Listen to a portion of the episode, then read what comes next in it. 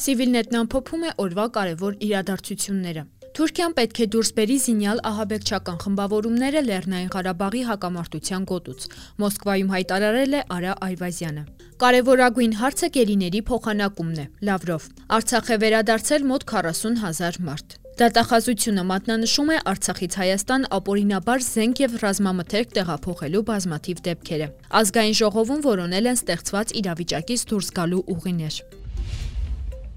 Դեկտեմբերի 6-ից 7-ը Հայաստանի արտաքին գործերի նախարար Արա Այվազյանն աշխատանքային այցով Մոսկվայում է։ Բացելով բանակցությունները Ռուսաստանի Դաշնության արտաքին գործերի նախարար Սերգեյ Լավրովը հայտարարել է, որ Ռուսաստանն իր խաղաղապահների միջոցով նպաստելու է Լեռնային Ղարաբաղում ռազմագերիների փոխանակմանը։ Նա կարծիք է հայտնել, որ Հարավային Կովկասը հակասությունների տարածաշրջանից վերածվում է կայունության տարածաշրջանի։ Պայմանավորվել են կապաշրջափակել հաղորդակցության բոլոր ուղիները՝ տնտեսական եւ տրանսպորտային ասել է Լավրովը։ Ռուսաստանի Դաշնության արտաքին գերատեսչության ղեկավարը նաև տեղեկացրել է, որ Ռուսաստանը որոշել է լրացուցիչ միանուվակ գումար հատկացնել Կարմիր խաչի միջազգային կոմիտեին, որն աշխատում է Լեռնային Ղարաբաղում։ Արա Այվազյանը նշել է, որ Թուրքիան շարունակում է վարել տարածաշրջանի համար կործանարար քաղաքականություն։ Թուրքիան պետք է դուրս բերի իր զինված ուժերի անձնակազմը եւ նրա հետ փոխկապակցված զինյալ ահաբեկչական խմբավորումները Լեռնային Ղարաբաղի հակամարտության գոտուց եւ ընդհանրապես հարավային Կովկասից։ Դեռևս չկա կան օտարերկրյա զինյալ ահաբեկիչների դուրսբերման հստակ ազդակներ։ Ընթակառակը արկա են հավաստի տեղեկություններ այն մասին, որ Ադրբեջանը ծրագրում է ընդլայնել զինյալ ահաբեկիչների եւ վարձկանների տարածման աշխարհագրությունը եւ նրանցով վերաբնակեցնել Արցախի օկուպացված շրջանները, ասել է Այվազյանը։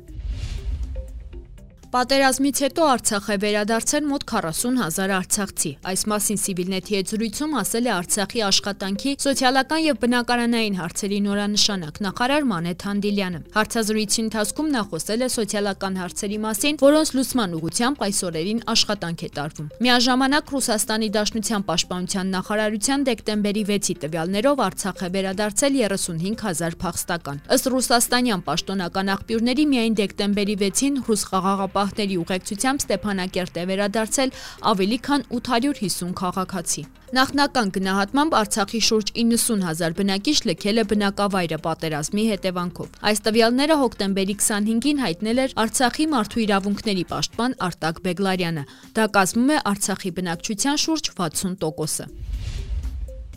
Արցախի արտակարգ իրավիճակների պետական ծառայության փրկարարական ջոկատները շարունակում են պատերազմի հետևանքով զոհված զինծառայողների մարմինների որոնողական աշխատանքները։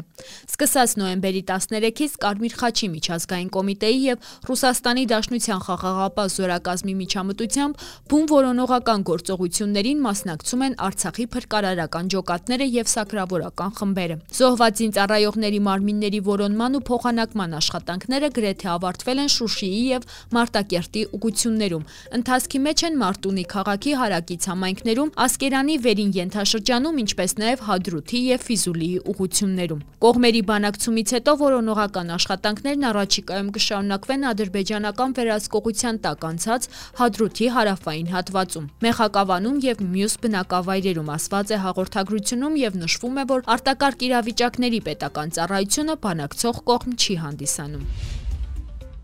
Գլխավոր դատախազությունը հաղորդագրություն է տարածել, որում նշվում է. Ռազմական գործողությունների մասնակցության նպատակով մեծ թվով անձանց տարբեր զինատեսակների եւ ռազմամթերքների դրամադրումը լուրջ վտանգներ է ստեղծել ռազմական գործողությունների ավարտից հետո դրանց ապօրինի շրջանառության համար։ Ընդգծվում է նաեւ, որ վերջիններից վկայությունն են Արցախից դեպի Հայաստան ապօրինաբար զենք եւ ռազմամթերք տեղափոխելու բազմաթիվ դեպքերը, դրանց հարուցված մի քանի տասնյակ քրեական գործերը։